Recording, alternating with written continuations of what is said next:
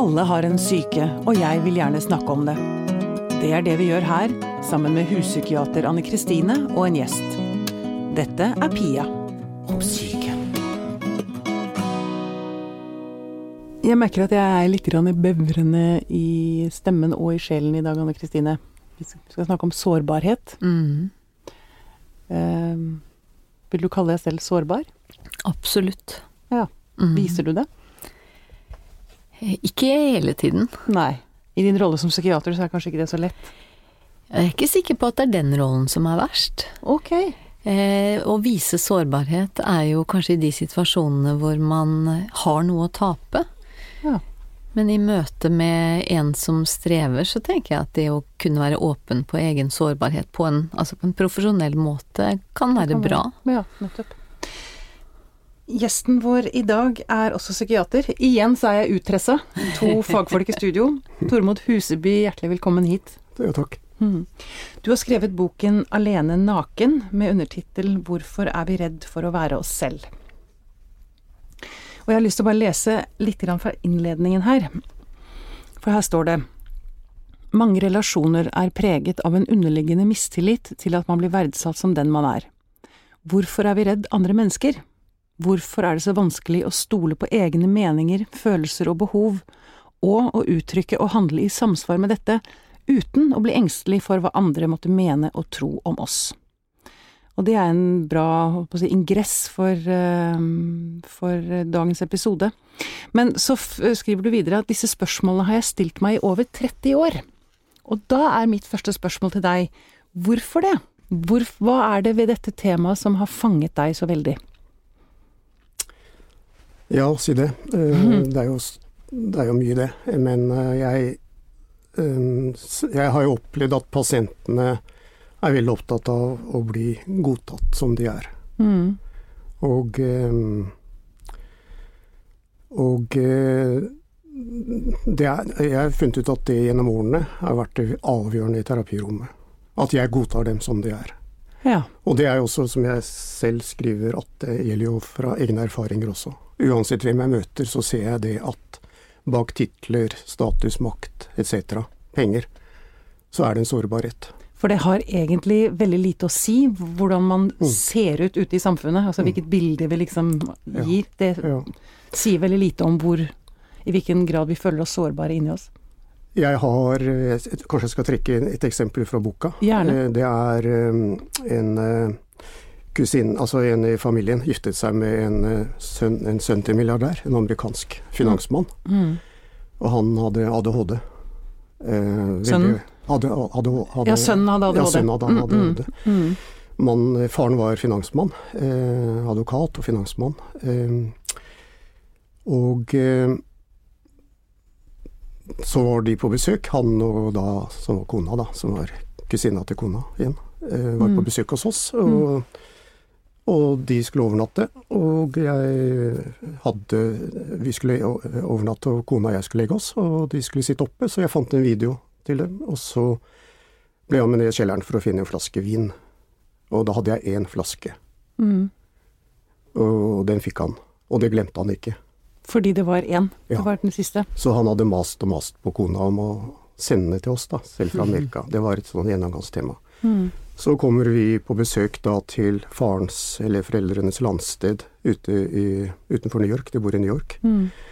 Og det er en gedigent, selvfølgelig, med tjenerpar som hadde vært eh, borgermesteren, tidligere borgermesteren sitt tjenerpar etc., skulpturpark osv. De var ikke der da. Og så snakker han om eh, skilsmissen til mor og far, dette var da ny kona etc., veldig åpen. Og sa han kunne, sa han kunne skrevet en bok om det. Mm.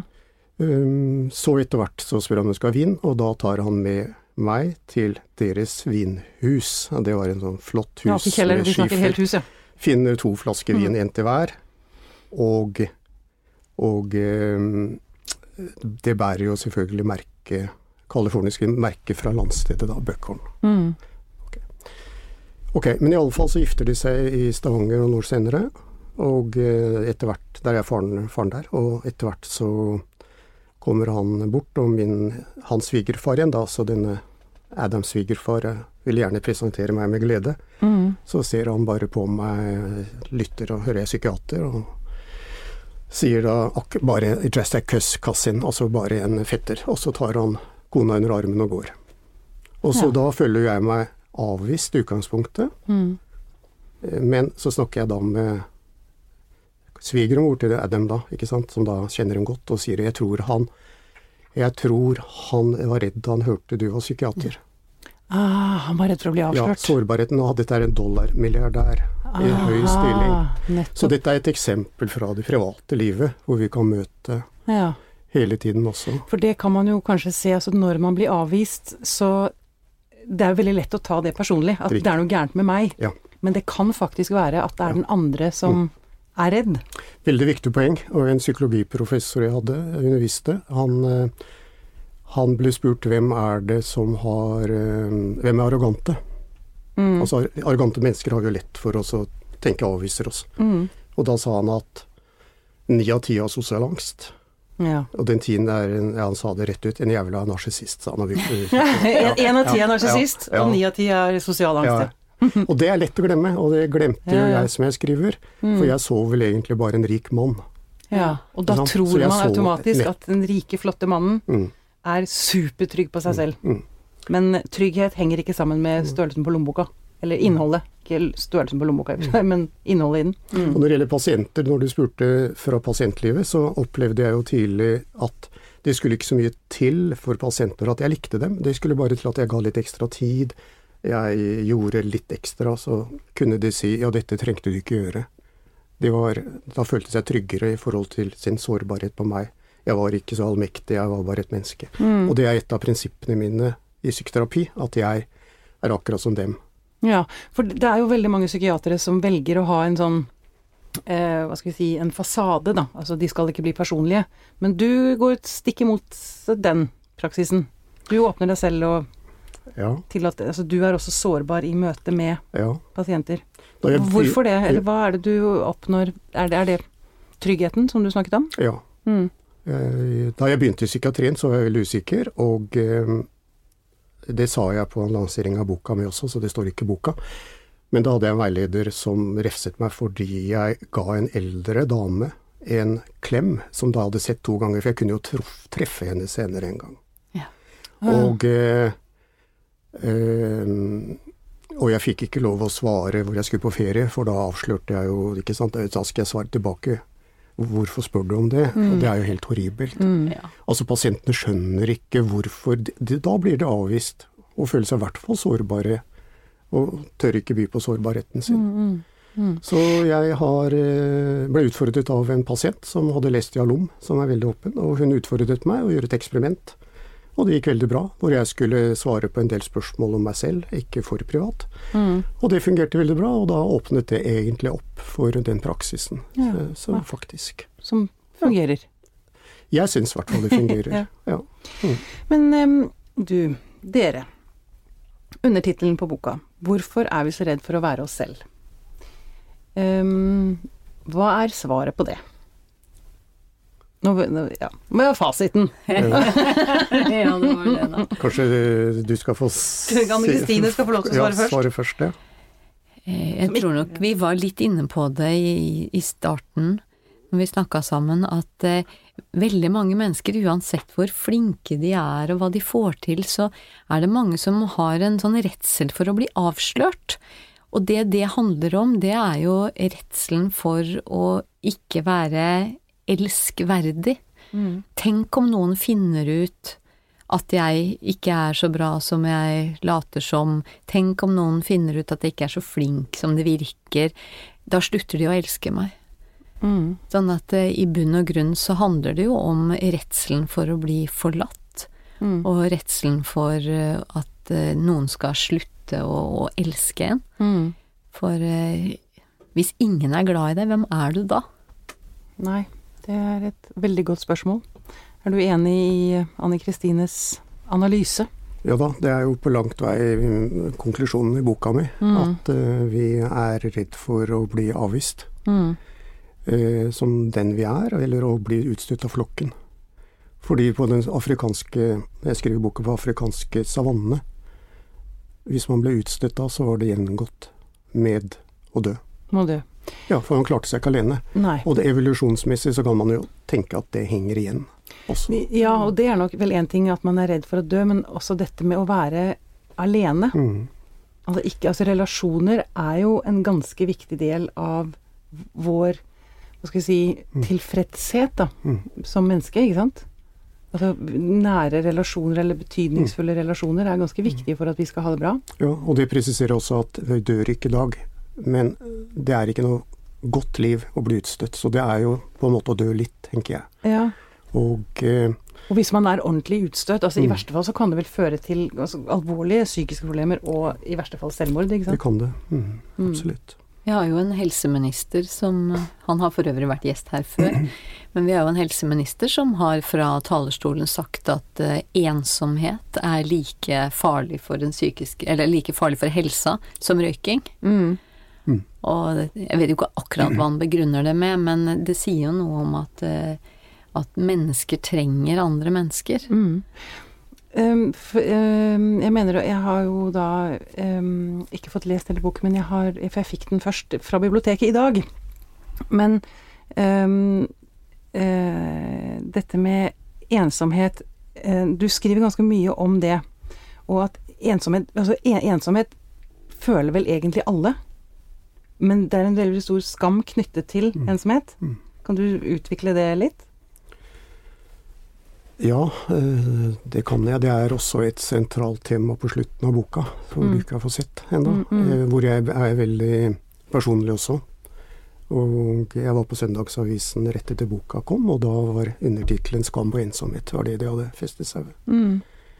Um, hvis man er Det sies det er skrevet av to et amerikansk psykiaterektepar, husker ikke navnet i farten, Mm. hvor, som skriver at ensomheten er det siste tabu. Fordi vi, vi kan jo Er vi ensomme? Hva er feil med meg? Ja, Det er- er det, det, er- det tar man jo som et tegn på at ingen har lyst til å være sammen med meg. Mm. Og da det er jo Hvem er jeg da, som du sa i stad? Altså, Mm. hvor verdig er jeg da? Mm. Og ehm, nå har vi ikke så god tid, men på, i boka så beskriver jeg en par episoder Mm. eh, hvor jeg eh, følte meg ensom som barn. Mm. Og eh, hvor jeg da i en episode hvor far sier, som jeg skriver, at gå ut og finn deg en kamerat, jeg har sittet inne for mye. Mm. Og da er jeg inne på det ordet som også dollarmilliardæren var redd for, tror jeg, ble avslørt. På, på forskjellige måter. Ja, Du ble følte For da, da var ensomheten min avslørt, den var sett, men Ja. samtidig ikke sett. Mm. Altså, og da det, det var skamfullt. Mm. Men du, du skriver også en del i boken om at vi utvikler en del strategier som ikke er veldig hensiktsmessige. Um, kan du si noe om de strategiene? Hva, hva, hvordan, hva, hva gjør vi når vi liksom Ja, For å unngå å være sårbare, eller for å altså Nå jobber jeg som privatpraktiserende. Mm. Det er stort sett veldig oppegående mennesker som kommer, som eh, er eh, empatiske, velutdannet, intelligente etc. mm, Men selvbildet, det er ikke i samsvar. mm, Og eh, Et banalt eksempel er jo den flinke jenta, selvfølgelig. Som, men eh, kameleonlignende atferd bruker jeg, og maskeradespill er to ord jeg bruker i boka. Vi setter på oss maske, og av vellykkethet. Og i dagens prestasjonssamfunn, konkurransesamfunn som jeg kaller tomhetskultur også, mm, så er det jo så viktig, opplever særlig ungdommen, å være vellykket, da.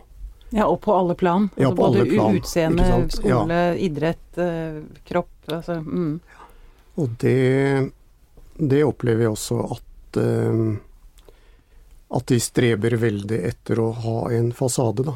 mm, Og, men det er ikke narsissistiske, for de, de er? For de kunne jo tilsynelatende tenkt de var narsissistisk- narsissistiske, men de, de, de tror de må være på topp i det meste. Fordi de tror at det er det som er kravet for å bli godtatt. mm. Så det er på en måte et paradoks, da. Og så er det, blir det selvforsterkende, for alle, hvis alle holder på sånn, så blir det jo til slutt sånn det er. Altså, du må ha så og så mange selfier ute i diverse sosiale medier hver dag hvor du er lekker. Mm. Er det en god analyse, eller er det, tenker vi at det er ja, det, er, det er i hvert fall noe med, med vår kultur nå som, uh, som ikke nødvendigvis er så bra for den psykiske helsa. Og det kommer jo nå en uh, rapport på ungdomshelse for mm. et par Det er vel noen uker siden. Mm. Uh, og vi ser altså en økning i antall unge jenter som ikke har en fortrolig venn, og som kjenner på ensomhet. Mm.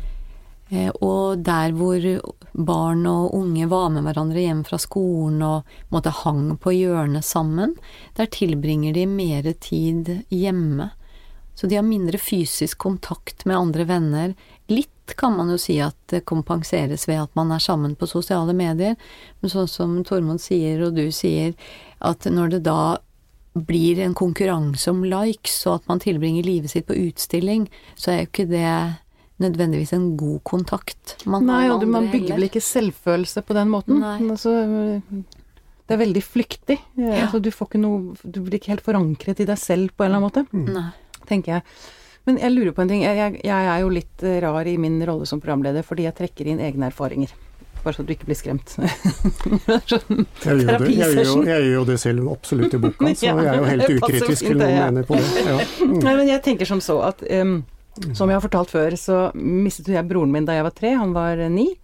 Og så flyttet vi. Eh, som fireåring så ble jeg plassert i ny skole i Danmark, og som seksåring ny skole i Sverige, og som trettenåring ny skole i Norge.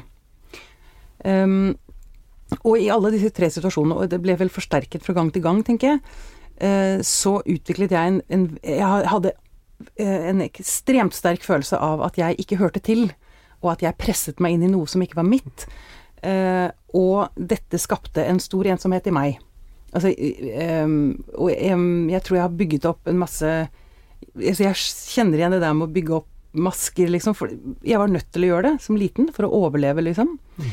Men så tenker jeg Jeg tror også at jeg har uh, For å unngå å sette meg selv i den samme situasjonen som voksen, så jeg er redd for å gå inn i nye settinger, kanskje, fordi jeg er så redd for den følelsen. Jeg prøver å unngå den følelsen noe som gjør at jeg til tider kan isolere meg. Her tenker jeg det for meg er en sånn eh, en, en strategi som funker jævlig dårlig, for å si det For å si det veldig klart.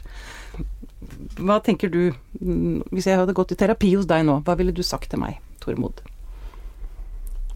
Ja, jeg ville jo selvfølgelig ha stilt uh, snakket lenge, mye lenger med deg før jeg hadde sagt noe vettugt, eller forhåpentligvis vettugt. Mm.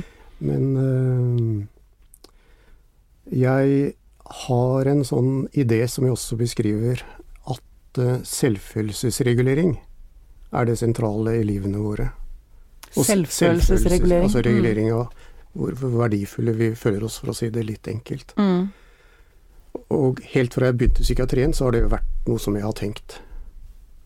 Ikke sant? Mm. At alt vi gjør det er en, å regulere en selvfølelse, men da Jeg skriver også at livet er relasjoner, så det blir jo da veldig viktig i forhold til relasjoner. Fordi det er, det er, det er livsviktig å ha gode relasjoner. Mm. Som en pasient sa da For jeg sier at man blir avvist, så føler man seg ikke lenger likeverdig, men hun var norsklærer, så hun sa og heller ikke like verdig som før. Mm. Så det ordspillet er veldig fint. Likeverdig. Men, og det, det, kjenner jeg også igjen. Ja. Jeg også tenker at jeg er mindre verdt enn ja. andre. Ja. Og jeg, jeg, skjønner oppi hodet mitt at det ikke stemmer. Riktig. Og da kommer jeg i boka, så tenker jeg at i selvfølelsesregulering så er det to hovedgrupper. Det er den unnvikende, som vi finner veldig mye av i, i vår pasientpopulasjon. Så er det noen narsissister. De er stort sett noen få av dem, og de er på vestkantpoliklinikkene har, hvis det fins da, viser, viser, viser, undersøkelsene som er gjort. Mener du det? Ja, det var en undersøkelse som var gjort i Oslo. Det var, de fant noen få, og det var på Vestkantpoliklinikken. Men for de har kanskje uh, taklet dette med å bli veldig vellykkede? Ja. ja. da tenker jeg at på mm. østkanten Jeg er jo selv fra østkanten og er nå mm. skikkelig borgerlig vestkant. Ikke sant, sånn sett. Altså jeg har det spennet, og det syns jeg er veldig nyttig, faktisk. Mm. Og da ser jeg for meg, det er min eh, oppfatning da, at på østkanten Nå er det veldig generalisering, selvfølgelig, da. Ja. ja. For jeg er fra vestkanten, ja, bare nevner det. ja da, så generaliserer jeg. Men sånne hovedtrekk, så kan du tenke deg at i de miljøene, da, så er det kanskje lettere å få lov å unnvike å trekke seg under dyna. Hvis man er redd for å redd for, menneskene redd for å gå ut, da. Men hva da på en såkalt veldig vellykket familie, f.eks. På vestkanten hvor det er mye fasade etc., så opplever jo da kanskje barna at det er ikke lov å trekke seg unna, du må Mm. prestere. Du må Og da beskriver jeg hvordan de da blåser seg opp med påfyll fjær, Mm. av og til lånte påfyll fjær, fordi det er deres måte å overleve på. Mm. Så de mister jo seg selv Mm. i det. Så det er min sånn litt sånn generalisert eh, Ja, ja. måte å se på selvfølelsesregulering på. Altså du trekker deg unna, Mm. og det er en eh, dårlig strategi. Det er også dårlig strategi å blåses opp. Ja. Men hvordan hva, altså En ting er selvfølgelig man kan gå i terapi. Mm. Um, som jeg jo gjør. Um, men um, altså kan man, Hvordan kan man selv si, møte disse maskene, da? Hvordan kan man jobbe med seg selv? Mitt hovedpoeng er at hvis vi viser sårbarhet, det var jo det vi startet med, Mm. Og tør å vise oss selv som vi er, så, så, så vil den andre faktisk føle seg tryggere. Det er ikke så farlig likevel. Jeg trenger ikke å forstille meg, jeg kan være meg selv. Mm. Og dermed så får man jo paradoksalt nok den økte nærheten som, man, som de som da har fasade, tror de mister. Ja. Fasademenneskene tror jo de mister vennskap, de tror de mister det andre, men det blir jo det motsatte. Som en eh, professor i psykologi sa, som jeg jobbet sammen med. Han sa til en pasient Du, vet du hva, jeg, jeg kjeder meg sånn med deg, jeg. Han sa det rett ut. Han sa det til Ja, pasienten han sa det til pasientene, jeg kjeder meg sånn, vet du hva. Okay. Å, sånn. Så han, ble jo ikke fornærmet. Å ja, det, det gjør øh, Ja, det har jeg hørt før. Poenget var at han turte ikke være seg selv, så han ble en kjedelig person. Mm. Og dermed så mister han jo venner, han mister nærheten. Mm. Og det å by på seg selv, det er jo Da finner jo folk ut at det de er som oss. Det er, man tror jo det at man er dårligere, og da åpner de andre opp. For det er noe med alle, og alle har sitt. Ja, for det er akkurat viktig. det. ikke sant? Man kan Ja. gå og tro, og jeg tror jo også det at det er bare jeg som har det sånn som dette. Ja. Og det er ingen som har det som er, har, så mye skam eller er så teit som meg. Men så, i en samtale sånn som vi har nå, da, Mm. så hører jo jeg, og i boka di også, at det er ganske utbredt. Men em, kan det Det er vel sånn også at det er ikke alle som takler å ta imot sårbarhet? Og, og et oppfølgingsspørsmål, en oppfølgingskommentar. Er det ikke også sånn at det kan bli litt påtrengende? Altså at det kan bli litt sånn Skjønner jeg mener? For privat eller for klamt? Da, da gjelder det å Man må prøve seg fram. Mm, og ta sjansen på det, så må man tåle å bli avvist. ja. Jeg liker så godt det uttrykket jeg bruker 'gå dit hvor kjærligheten er'. ja. Altså, hvis du ikke blir godtatt, så finnes det alltid noen andre som tar deg som du er. Mm. Så må man tåle den avvisningen, og ikke nødvendigvis tenke at det er noe galt med, med meg, da, liksom. Mm. Fordi, som jeg sier til pasientene, du liker jo kanskje ikke alle du heller. Nei, jeg gjør jo ikke det. Ja, hvorfor skal du like, bli likt til alle? Nei, det er sant, det. Mm. Så vi må godta det at eh, det å eh, se på amerikanske valget, liksom. Trump, eh, Trump og mot Clinton. Halvparten er delt. Skal man gjøre begge parter til laks, da mister man seg selv. Altså, det er ofte man, man, må, man må hevde seg selv og sine meninger, og så får man bli tatt imot der man er. Mm. Og så som hjemme, du sier, det som er viktig, kanskje er det der å Hva sa du? Nei, det du sa som er viktig, det å tåle å bli avvist. Tåle Men det er, det er jo akkurat det som er så skremmende, da. Også når man har slåss med sånne ting som dette. Ikke sant? så det er jo litt Ja, sånn jeg har, eh, jeg har et eksempel fra boka som jeg også har fra han psykologiprofessoren jeg nevnte i stad. Det er en som er full, han går på utested og skal, han skal ha med seg en dame hjem for natta. Så han går rundt og er full og spør rett ut blir du med hjem og puler. mm. Så spør han ni stykker, og de er enten får en ørefik eller svarer foraktfylt, og så svarer den tiende ja takk. Ja. Al altså, dette er et outrert eksempel, Mm. men det illustrerer, Jo, men jo- det illustrerer poenget. Ja. Han tålte avvisning, selv om han var jo full, da, men han tålte avvisningene. Og, og så var det en som likte han som han var. Mm. Og hvor mange trenger man? Han trengte jo bare én dame for natta, Mm. Som han hadde ønsket, da. Ja. Em, det er et uh Et spørsmål jeg la merke til i boka di, er Du stilte det til noen, jeg husker ikke hvem, men hvorfor Eller å stille noen spørsmålet, og kanskje seg selv, hvorfor er du verdifull? Jo. Da fikk jeg litt sånn tårer i øynene. Okay. Det syns jeg var veldig eh, Det er et spørsmål man ikke får så ofte. Akkurat. Mm. Jeg, jeg får i hvert fall ikke det. Jeg vet ikke hva med dere. Men du føler deg verdifull, eller? Nei, det, jeg merket at jeg ble litt svett. Ja, når. Ja. Altså jeg tenkte gud, hvis noen hadde stilt meg det spørsmålet, og kanskje enda verre foran en gruppe mennesker, liksom, Ja. at jeg skulle svare på Det der er veldig vanskelig. Hvorfor er det det? Å, å, å sette en verdi på seg selv. Ja, det kan du si. Altså, det har jeg ikke noe 100% fasitsvar på. Men øhm, det sier jo litt om de kravene vi har til oss selv, og den selvbildet de fleste av oss har, da. Og kanskje det å uttrykke at vi er verdifulle. Fordi i, den, i boka så nevner jeg da en gruppe som jeg hørte om, en gruppe med, si, en gruppe med avdelingsoverleger fra store sykehus. Og de ble spurt hvorfor er dere verdifulle?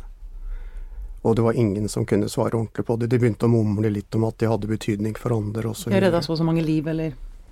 Men de sa samtidig, samtidig så at de ikke De sa ikke at de ikke var verdifulle, og det er det mange av mine pasienter opplever.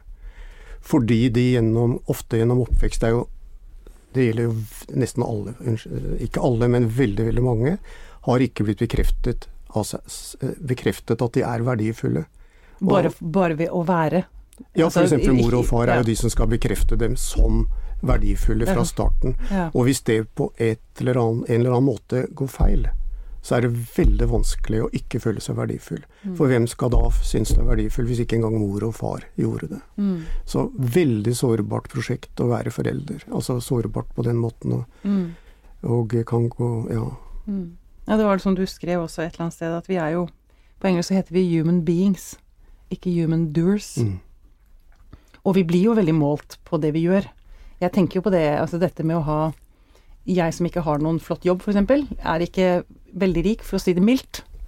Eh, Det er gjerne det som skaper verdien på mennesker i dagens samfunn. I Vesten, i hvert fall. Det er jo ofte sånn når man treffer nye mennesker eh, som man skal bli kjent med eller et eller annet sånt, så er jo et av de første spørsmålene er ofte hva gjør du da? Hva driver da, du med? Ja, hva Mm. driver du med? Og da mener man jo hva de jobber med, Mm. Eh, veldig ofte, og det er jo sjelden man får det spørsmålet hvem er du da? Mm. Ja. Det hørte jeg faktisk en venn av meg som bor i Tyrkia sa at der nede så spør de De, spør, de stiller det spørsmålet 'Hvem er du?' Ingen spør hva du driver med. Ok. Er ikke det, det er Det var interessant. Mm. Ja, jeg synes også det er eh, Vi kan jo komme med en oppfordring til våre lyttere om å spørre hverandre om hvem er du? Ja, Hvem det, er var, du? det var egentlig veldig godt uh, utsagn. Altså, ja. Hvem er du? Hvem er du? Ja, veldig bra. Ja, jeg syns også det er, det er Det er sånn inspirerende. For jeg husker jo at jeg fikk spørsmål fra en, eh, en fyr jeg kjente for mange år siden. Vi møttes igjen i en sånn reunion-greie, og så spurte han hva jeg drev med nå. Og så forklarte jeg det på litt sånn famlende måte. Nei, litt sånn frilanser, bla, bla, bla. bla. Og så, så bare snudde han seg vekk og gikk. For jeg, jeg hadde ikke noe å tilby han, da. Ikke sant? Jeg, jeg, var ikke noe, jeg var ikke en del av Jeg var ikke viktig å ha i nettverket. For det er vi gjerne Sånn bruker vi jo hverandre veldig mye også. Nettverker. Se hvem som har verdi. Som kan føre oss til neste steppe... Hva heter det? Stepping stone? Steppesten. Ja. Ja, det er jo den narsissistiske kulturen. ja. Altså, Ja. hvem er du eh, som venn? Dermed så stiger jeg i verdi hvis vennen er betydningsfull. Mm. Og har jeg bruk for deg? Altså det Ja. blir et sånt spørsmål. Ja. Men det, og, det, det, og nå skal jeg si noe jeg skammer meg over, men jeg kan Jeg har gjort det flere ganger opp gjennom livet at jeg har Altså det å smykke seg med venner Jeg kjenner sånn og sånn, fordi det gir meg en verdi. Det er ganske pinlig. Men veldig menneskelig, Pia. Ja. Veldig menneskelig. Ja. Ja. Det er lov til å gjøre skamfulle ting òg. Og så er det jo Men jeg syns jo vi må kunne si det at eh, det er jo lov å f.eks. være stolt av å kjenne noen også. Altså, så det er ikke sånn at Vi liker jo å si at vi hadde helseministeren i studio. Ja, vi, vi sier jo det her, og vi skammer oss ikke over det, og vi kan være stolte av det. Eh, så, men det er jo en del av det som, som vi snakka om i stad, eh, er jo også litt at vi, vi får jo ikke akkurat så god trening i å snakke om hvorfor vi er verdifulle heller. Fordi vi, vi lever jo i en kultur hvor du, du skal helst være vellykka og, få til alt og sånn, men du skal helst ikke snakke om det, og helst ikke si det så høyt. Nei, du kan legge ut bilder på Facebook. Du kan legge ut bilder på Facebook, men da skal det helst være sånn at å nei, det var helt tilfeldig, og det jeg hadde på meg var bare noe jeg liksom kasta på meg i farta, og, og syns du det profilbildet var fint? Å nei, det var bare noe jeg tok etter jeg hadde stått opp. Altså, vi vil liksom ikke, vi vil ikke være ved det, at vi er så opptatt av å framstå vellykka heller. Nei. Så, Det skal gjøre nennsomt. Gjøres ja, nennsomt. vi, Mm. og det er litt den der janteloven, du skal ikke tro du er noe, sånn at eh, hvis noen spør eh, hvorfor er du verdifull, så vil det delvis være sånn, tør jeg å si det, for da kan det jo hende de andre tror at jeg er noe. Mm. Og det er jo også skamfullt å tro at man er noe, og bli avslørt på det. Mm. Og samtidig så er det vanskelig å kjenne etter, fordi at det er så lett å begynne å tenke på hva er det jeg gjør som er verdifullt. Mm. Så det, er- det er komplisert. Ja, nei, men det er Jeg er helt enig. Det er i Jeg holdt på å si janteloven lever dessverre. Eh, og bygdedyret eh, Mm. lever fremdeles.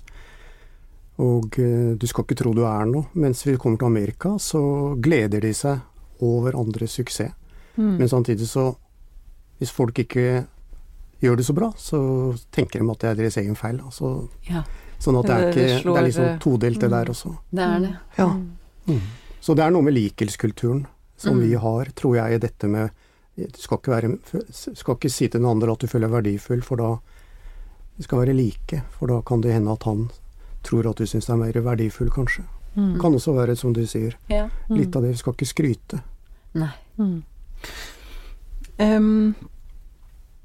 Det, det Ta tak i noe vi snakket litt om i sted, eller et sitat eh, som du også har i boka, fra Oscar Wilde, som sa at bare grunne mennesker kjenner seg selv.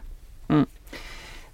Den jobben man gjør, da, med Altså det jeg tenker kan være litt viktig, er å tenke at man trenger ikke å være ferdig. Altså at dette med å leve er i grunnen en sånn prosess med å lære seg selv å kjenne.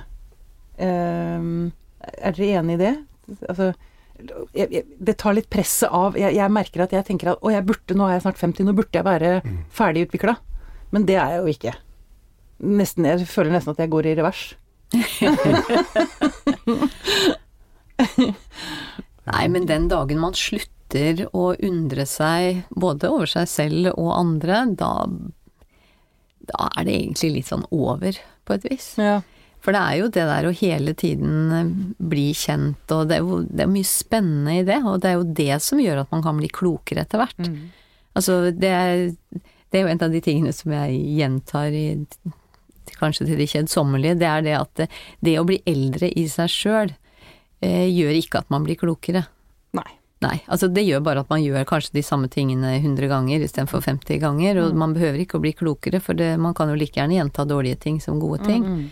Så det handler jo om å reflektere over det som skjer, lære av de erfaringene man gjør seg, gjøre feil ikke minst, og lære av det. Man lærer jo kanskje mer av feil enn av å gjøre ting riktig, og da er man jo i utvikling.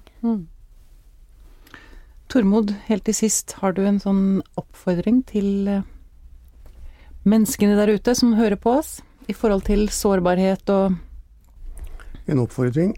mm. Um, jeg holdt på å si det er å våge å vise sårbarheten sin. Altså Til syvende og sist er det det det går på. Utvikling. At du går ut og tar sjansen på å vise sårbarhet. Og eh, tål, å vite at du må tåle smerten der og bli avvist. Mm. Men som jeg gjentar, jeg syns det er så godt uttrykk, gå dit hvor kjærligheten er. Det er noen som tar deg imot. Hvis de, og hvis det ikke er noen som tar deg imot, så bør du i hvert fall gå i terapi. Altså Da er det noe riv ruskende galt, kanskje. Mm, Ikke det at de som går i terapi er ruskende galt, men mine Men du- pasienter som går i terapi, de er alle elskbare. Det er ikke noe Ingen av de blir avvist av alle. Det er ikke det Mm. det går på. Nei. Så da, det er jo noen som da selvfølgelig har sider som de må gjøre noe med, da. Mm. Men, eh, så, eh, så det er til syvende og sist motet. Eh, og da siterer jeg Nietzsche, det er bare noe jeg lærte fra gymnastiden, Mm. som jeg har prenta seg inn i hodet mitt. Mm. Ethvert resultat i erkjennelse følger av motet. Av hårheten mot den selv, altså av rensligheten eller ærligheten mot den selv. Altså hvis man skal oppnå noe i relasjoner, så må man tørre. Man må være ærlig og modig. og mm, stå i det. det jeg syns det er veldig godt uttrykk. Ethvert resultat uttrykk. følger av motet. Mm. Et veldig godt uttrykk og en veldig fin avslutning på denne lille samtalen om sårbarhet. Tormod Huseby, tusen takk for at du kom i studio. Jo, takk for at vi kom. Det var hyggelig. Mm. Liker du Pia og psyken? Har du lyst til å støtte oss? Vips litt penger, eller mye, til nummer 28583, eller bare søk på Pia og psyken inne på Vips. Du er gull! Denne podkasten er produsert av Tid og Lyst.